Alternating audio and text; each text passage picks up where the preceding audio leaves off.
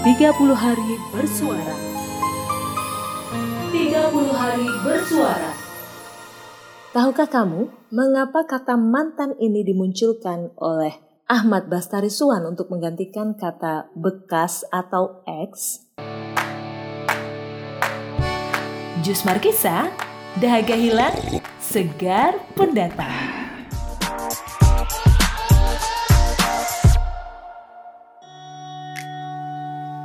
Hai hai hai, Juicers yang selalu happy, yang selalu ceria, yang selalu positive thinking. Di sini Susani Bowo kembali menemanimu dalam podcast Jus Markisa. Podcast yang selalu menginspirasi dalam setiap episodenya. Gimana kabarmu hari ini? Fine kan? Baik ya. Meskipun mungkin kondisi di depan kita sedang nggak baik, tapi usahakan untuk menemukan yang positif dari setiap keadaan yang nggak baik, sehingga hati kita selalu dipenuhi dengan ucapan syukur. Ya, ini adalah pertemuan kita di hari yang ke-24 untuk menjawab tantangan 30 hari bersuara yang diselenggarakan oleh The Podcasters Indonesia. Topik kita hari ini adalah mantan sebuah kata yang sering diucapkan oleh anak-anak zaman sekarang ya, baik tua, muda, anak-anak semuanya sudah familiar dengan kata mantan. Tapi Juicers, tahukah kamu asal mula munculnya kata mantan? Kalau belum tahu, dengarkan sampai tuntas. Kalau sudah tahu, juga dengarkan sampai tuntas ya.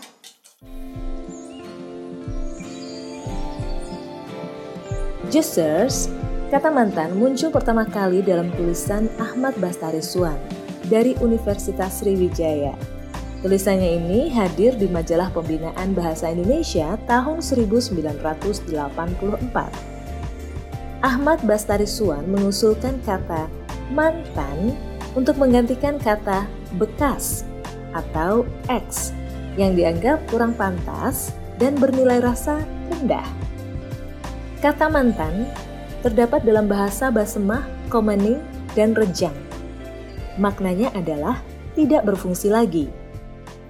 Dalam bahasa Basemah ada bentuk pegawai mantan atau ex-pegawai, yaitu pegawai yang tidak berfungsi lagi.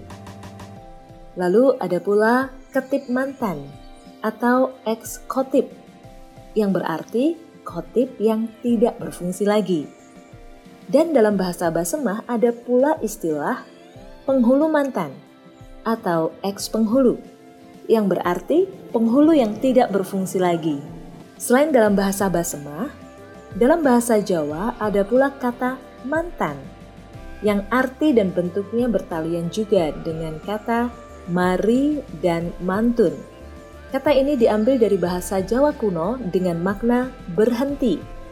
Misalnya, dalam bahasa Jawa kuno ada Mario Panas yang berarti berhenti dari kemarahan.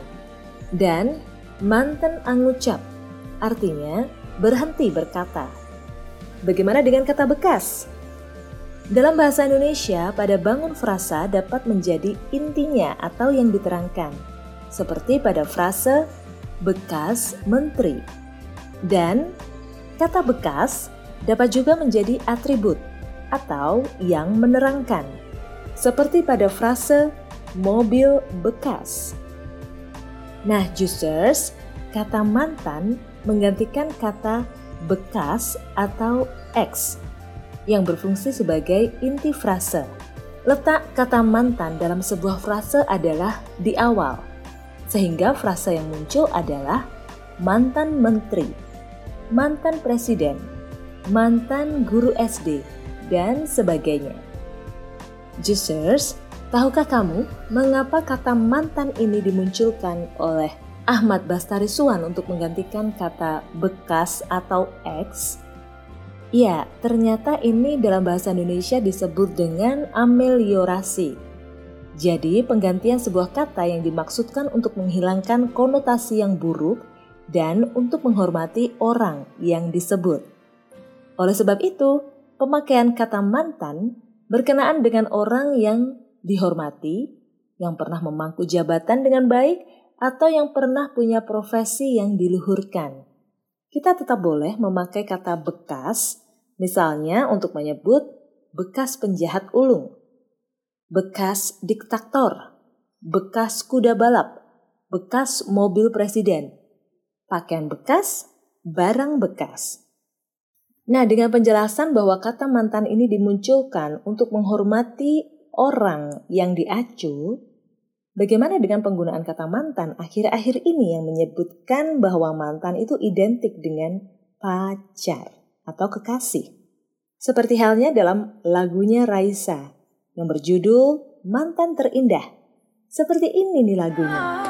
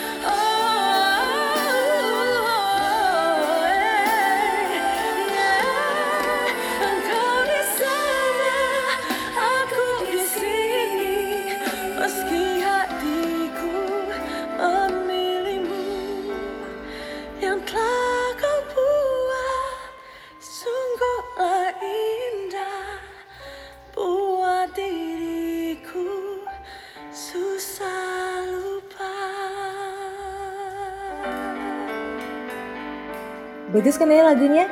Gimana dengan penggunaan kata mantan terindah dalam lirik lagu tersebut?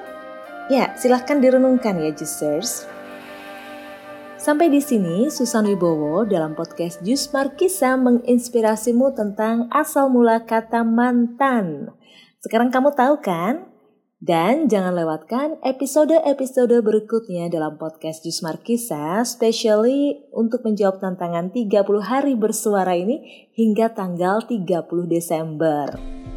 Dan kalau kamu enjoy mendengarkan podcast Jus Markisa, jangan lupa ya untuk di follow akun Spotify-nya dan boleh juga follow akun Instagramnya namanya sama, at Jus Markisa.